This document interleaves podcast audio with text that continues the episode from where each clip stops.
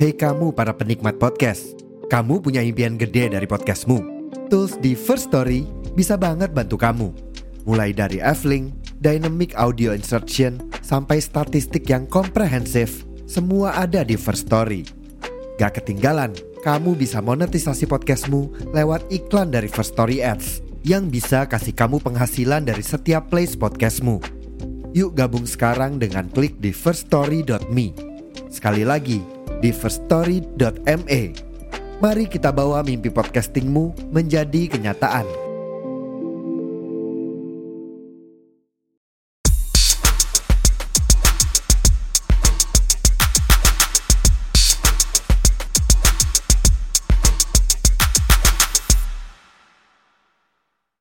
Di episode ini masih nyambung sama episode sebelumnya dan masih ada korelasinya dengan film yang mau gua ulas. Gambarin sedikit soal politik kita dan gambarin sedikit soal ya bagaimana emang sesuatunya dalam perjalanan hidup kita bisa berubah dalam satu hari atau bahkan dalam hitungan jam. Jadi sebelumnya FYI ya atau FYI laptop gue udah nggak bisa dibenerin. Ya beneran nggak bisa dibenerin katanya rusak di bagian soket deket LCD-nya. Ya itu berarti memang lagi hari apes gua. Hari apes itu kita nggak ada yang tahu kapan dan hari apes itu bisa tiba kapan aja. Hari apes gua kemarin sih. Gue dikabarin juga minggu malamnya kalau emang udah nggak bisa dipakai nggak bisa dibenerin gue udah punya laptop itu kurang lebih kayaknya lima tahun deh sebenarnya lima tahun tuh masih usia yang baru tau ya baru. Karena laptop lama gue aja tuh udah 7 tahun 8 tahun. Gue punya laptop tuh per, ya waktu kuliah 2011 12 lah. Masih bisa dipakai sampai 2018 eh sorry 2017 ya 11 6 tahunan. Itu juga rusaknya karena emang salah gue sih nggak update nggak ngerawat nggak update S SD-nya nggak nambah RAM-nya tapi ya pembelajaran lah. Artinya emang gue mesti nyiapin gadget baru untuk kerja untuk bikin karya yang lain ya namanya juga perjalanan lah. Segala hal dalam hidup gue ya kemarin rasanya berubah dalam satu hari. Ah gue jadi inget gue kemarin tuh baru nonton film di Ideas of March film yang ngajarin soal politik dan menurut gue bagus sih. Bagus banget kalau lo mau tahu keadaan politik sekarang. Nggak sekarang tepatnya tapi lebih penasaran di politik itu kayak apa sih. Gue udah pernah bilang kan di video TikTok gue ya kalau di politik itu nggak ada orang jahat orang baik adanya ya orang berpolitik aja. Caranya yang gimana? Nah itu baru tuh ya nggak peduli lawan atau kawan ya nggak ada pertemanan abadi dan juga gue bahkan nggak tahu apakah ada beneran teman. Ya di satu sisi ketika lo ada di dunia politik yang digambarin di film itu adalah ya lo siap nggak punya teman nggak punya kenalan yang ada hanya ada kepentingan. Uh, hal yang harus lu siap untuk terima bahwa emang mencari teman itu susah kan gue juga suka bilang kalau lo semakin dewasa semakin bertambah usia mencari teman itu susah mencari kenal itu lebih mudah dan kalau lo udah punya teman sekarang ya lu rawat aja.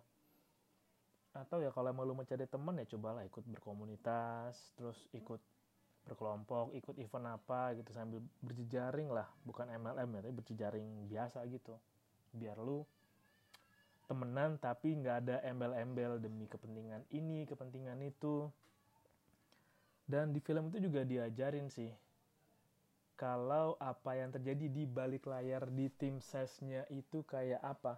Ya gejolaknya kayak apa? Sikut-sikutannya kayak apa? Pembahasannya kayak apa? Jadi ya lu harus harus anggap biasa lah ya dengan apa yang terjadi. Dan ya udah itu normal aja jangan terbawa perasaan harus siap dengan strategi dan jangan itu dibawa personal dan ini ngingetin juga sih sama apa yang gue pernah alamin dulu sama yang kemarin juga kan. Ya keadaan tuh emang bisa berubah dalam hitungan hari gitu. Kayak kalau berkaca ke diri gue sendiri dan mungkin yang gue alami juga nggak berat lah tapi buat gue ini berat karena emang saat ini gue masih menganggui alias ya belum produktif belum menghasilkan full secara rutin. Masih tergantung kepada orderan orang-orang. Orang kenapa lagi nggak banyak nikah sekarang ya? Lagi orderan orang jadi ya penerimaan gue ya seaktif-aktifnya gue nyari gitu kayak nyari freelance nyari ada kerja sambilan. Dan ya ketolong kemarin lah pas jadi saksi dari partai politik. Dan di bener sih pasti ketika jadi eh ketika momentum pileg kemarin capres kemarin tuh ya emang duitnya emang banyak. Ya kalau tanya duit dari mana ya? Ya duit dari sumber mana? Anggap aja uang dari partainya lah untuk kita para saksi para koordinator para tim ses. Tentu pasti duitnya ada. Dan emang balik lagi ke soal keadaan yang berubah. Iya emang keadaan gue tuh buat gue keadaan gue tuh rasanya berubah dalam sehari gitu yang pas berangkat dari Malang juga ya nggak apa-apa laptop gue masih sehat dan ya gue bisa percaya diri gitu. Kalau emang gue merawat sesuatu ya dengan benar dengan telaten. Kondisinya juga nggak baret nggak pernah jatuh tapi emang gue nggak tahu karena ketekan apa karena kemasukan air.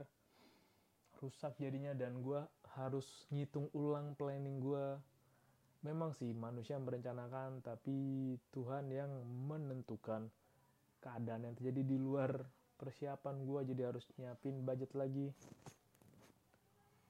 untuk beli alat baru dan tadi gue cek-cek di laptop tuh untuk laptop spek kayak gue dengan harga dulu aja ya dapatnya sih masih lumayan lah untuk sekarang lah kalau buat gue ya.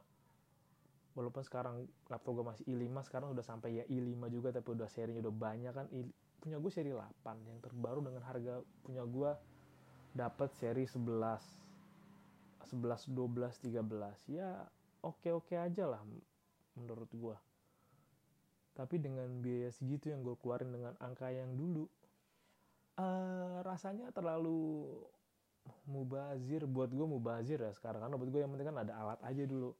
Karena kayak nyambung di episode yang kemarin ya bekerja tanpa alat kerja. Ya rasanya tuh apa ya camping. Nggak compang camping tapi camping. Camping tuh bukan camp tapi kayak uh, berasa sulit bukan alasan sebenarnya tapi itu nggak optimal. Kalau harusnya gue bisa menghasilkan di input 8 itu cuma ada di input 5 atau 6 paling mentok. Damn! Sih serius emang se buat gue sebegitunya lah.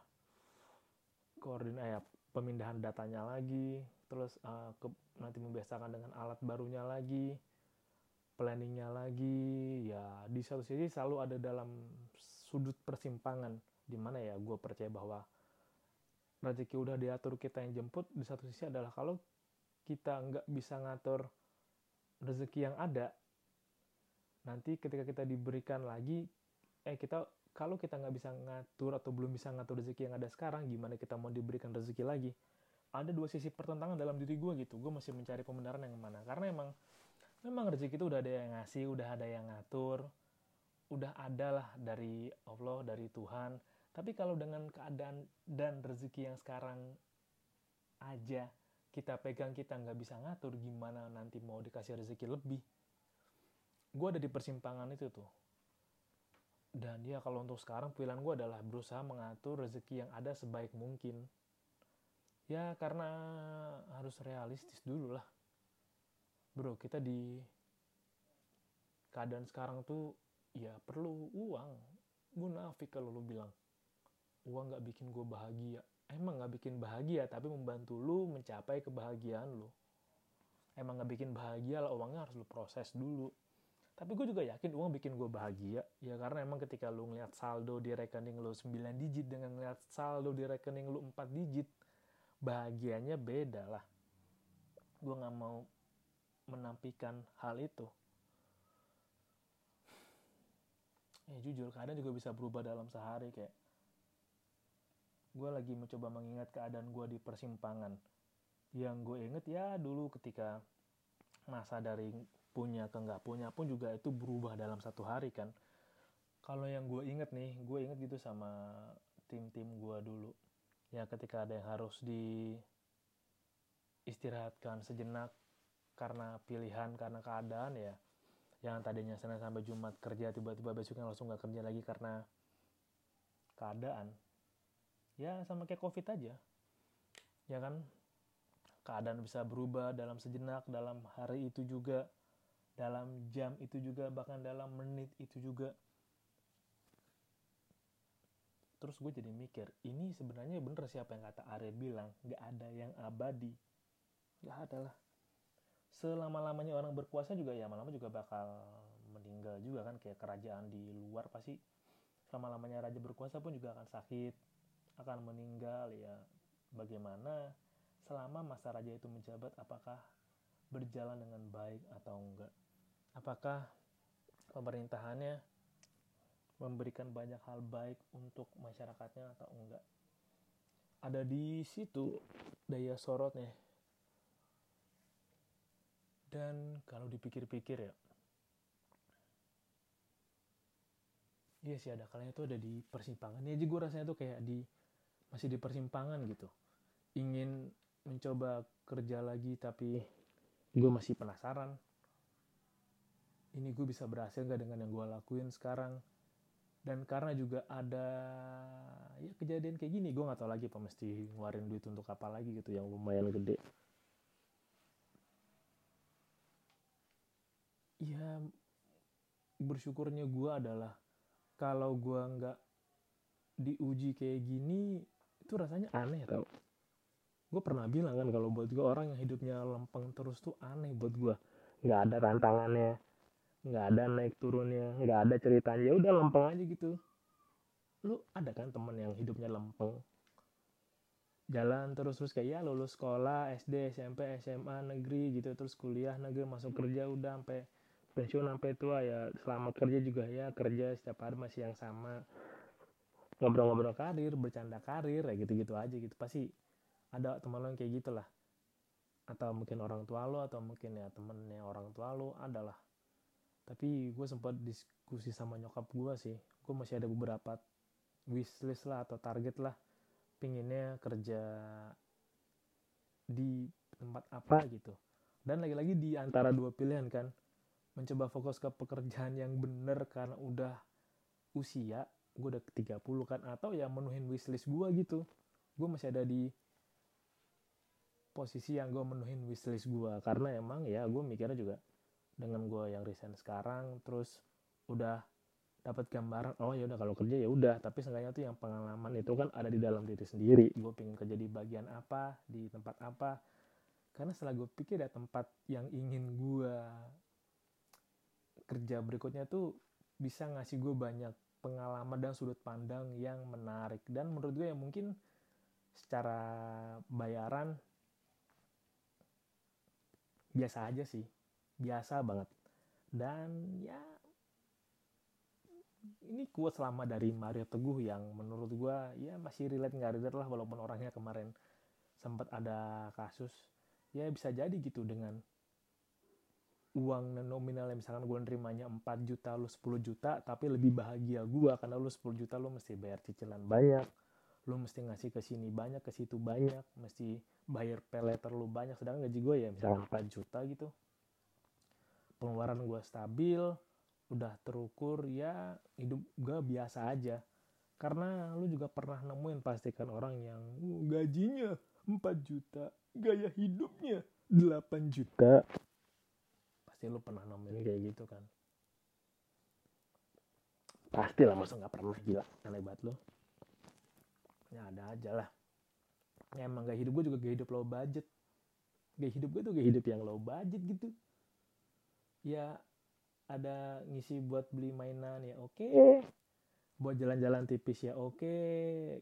berusaha menggunakan setiap rupiah dengan gue tuh seoptimal mungkin. Karena emang gue tahu dengan penghasilan yang sekian pengalaman yang didapetin pun emang nggak bisa kayak orang lain tapi bisa dimaksimalin. Atau ya bisa cari sudut pandang lain. makanya kan jargonnya kan nggak harus mahal untuk nikmatin hidup. Berarti lo mesti cara lain gitu untuk nikmatin hidup. Nggak masih dengan punya barang atau ke tempat yang bagus.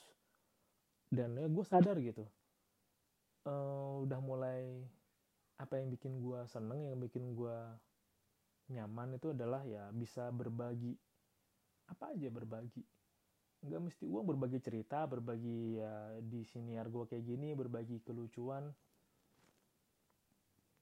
Berbagi aja gitu. Karena kalau semakin banyak lu menggenggam sesuatu gue tahu bahwa ya semakin banyak yang lu genggam semakin banyak yang lu berusaha genggam malah akan semakin sedikit yang lu punya lu tau kan yang ilustrasi yang genggam dan menerima itu?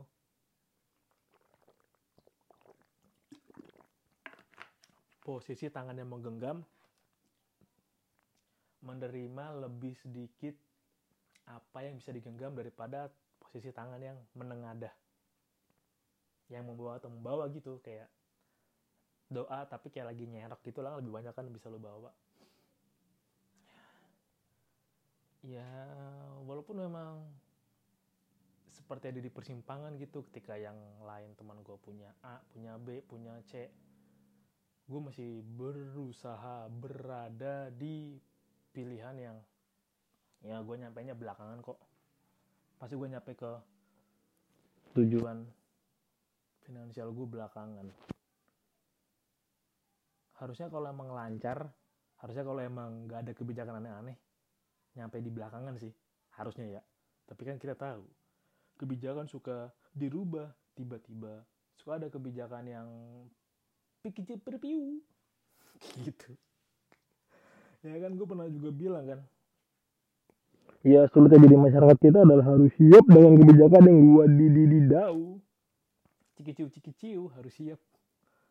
Ya kalau bener sih gue juga nggak tahu lagi ya kalau gue pikir kalau misalkan tujuan punya mobil pribadi gue pengen punya mobil. lama sih jujur. Mobil tahun 92 ribu awal gue suka barang-barang klasik lah. Mobil klasik motor klasik. Walaupun pegel ngopling tapi setelah gue lihat ya gue bandingin gitu waktu gue di Malang sama di sini tuh kalau di Malang gue yakin dah pakai mobil manual tuh masih enak nggak pegel beneran deh. Asli dan gue senengnya di Malang. Gue masih agak hangover sih gue rasa gue masih di Malang gitu. Gue masih shock kultur sama air. Sama air sama udaranya sama kemacetan masih shock gue ya kalau di Malang tuh lu bisa damai berkendara pakai mobil yang jadul gitu. Terus kalau di sini kan keluar dikit udah macet. Apa apa puanos ngantri ngantri ngantri dan gak disiplin. Oh kebayang kan masih shock kulturnya gue yang gue udah mulai menemukan gitu gue lebih milih hidup di daerah damai dan memantau dari jauh helikopter view aja. Sekali lebih balik ke keramaian pusat kota ngeliat balik lagi. Salah satu impian sebagian banyak orang dan mungkin gue termasuk adalah ya punya rumah di village di desa di kampung di gue lagi mikir punya tempat punya rumah di Malang Purwokerto atau Jogja ya harga rumah di Jogja tuh mahal banget anjir. Beneran dah gue sebagai warga Jogja kota apa nih biaya rumah ini dengan UMR segini? Gimana cara kita bisa beli rumah? Warga-warga muda Jogja kaulah muda Jogja mau nyetil rumah dengan UMR segitu mau berapa puluh tahun? Ada yang kayaknya waktu itu ada yang bikin gambaran deh kalau lo punya rumah di Jogja dengan UMR sekian lo bisa punya rumah 300 tahun cicilan anjir. Udah kayak jajah Belanda lo asli. Itu masih cuaks juga sih hmm entahlah. Tapi gue tau bahwa ya hidup gue juga bisa berubah dalam sehari. Dan gue jadi kepikiran apa kata Profesor Yu Hasan gitu. Kalau orang yang sukses itu ya orang yang punya beruntung. Bukan kerja keras bukan konsisten persisten tapi ada yang beruntung. Ya beruntung juga sih. Sebagai gue orang yang biasa aja nggak punya privilege yang wah gitu. Ya bisa konsisten konsisten aja persisten aja ya. Tugas gue adalah atau mungkin tugas lo juga menciptakan keberuntungan lo sendiri. Karena emang nggak tahu yang bisa bantu kita tuh diri kita sendiri gitu. Apalagi lo udah makin gede yang bisa nolong diri lo diri lo sendiri. Nggak ada yang bantu lu tau. Makanya kalau kalau mau bersikap manja dan tolol ya pas sampai usia 20 tahun aja. Kalau lu dengernya masih muda ya atau usia 21 22 lah. Lebih aja lo masih berjuang struggle sendiri. Ya beruntung ketika lo udah terbiasa dari kecil mandi dari kecil lo udah biasa ngadepin kerasnya hidup gitu dari kecil. Ya lo bisa kuat lah ngalamin itulah. Jangan kayak mahasiswa yang shock. Waktu di sidang skripsi ih galak banget pengujinya harusnya nggak boleh kayak gitu. Ilih. lebih galakan realita bro. Lebih galakan dunia nyata bro. Ya udahlah dibentak sendiri biasa lah. Asli biasa itu ya emang lo yang kerjain lo harus tanggung jawab emang kayak gitu. Lo mau usaha lo bikin laporannya ke investor emang kayak gitu. Emang tanggung jawabnya mesti ditanyain dibentak kayak gitu. Karena emang lu belajar untuk tanggung jawab apa yang lu kerjain biar lu kalau ngelakuin ke depannya nggak tolol-tolol. Bisa dipertanggungjawabkan dan nggak bikin kerugian buat lu atau orang lain. Eh kocak bet dah. Dan memang juga bisa sehari juga lah kehidupan bisa berubah sehari kalau di film A of Mars gitu diri dia tuh berubah dalam sehari ketika ada kejadian yang gue pikir emang sakit sih sakit gue juga belum tentu tahan sih kalau jadi dia. Jadi Ryan Gosling. Berat banget bro ditinggal selamanya terus ngadepin pemecatan. Temennya bohongin wah anjing anjing berat banget tuh sumpah. Ya berat lah ada kala juga nanti lu bakal ngerasain di persimpangan gitu. Di pilihan yang kalau lu milih A atau B selamanya hidup lu akan berubah. Dan ketika lu berubah ya udah lu ambil itu dan jangan pernah nengok ke belakang. Ya kayak sekarang gue juga nggak tahu sih tapi ambil aja pilihannya sekarang. Gak usah nengok ke belakang tuh emang kita nggak pernah bisa jalan ke belakang kan. Kita kan selalu jalan ke depan. Lo harus siap bro. Kehidupan lo kehidupan gue bisa berubah dalam satu hari dalam satu keadaan. Mau akan lebih mudah akan lebih sulit akan lebih menyenangkan akan lebih sukses akan jadi sukses akan lebih berhasil atau akan merugikan atau akan menyenangkan bisa berubah dalam sekejap ya. Ketika momen persiapan atau momen perubahan itu datang ya pasti lu jangan ngambil hal yang bodoh jangan ngikutin emosi jangan ngikutin emosi sekali lagi gue bilang ikutin logika lo oke okay? terima kasih udah dengerin episode kali ini dan sampai jumpa di episode berikutnya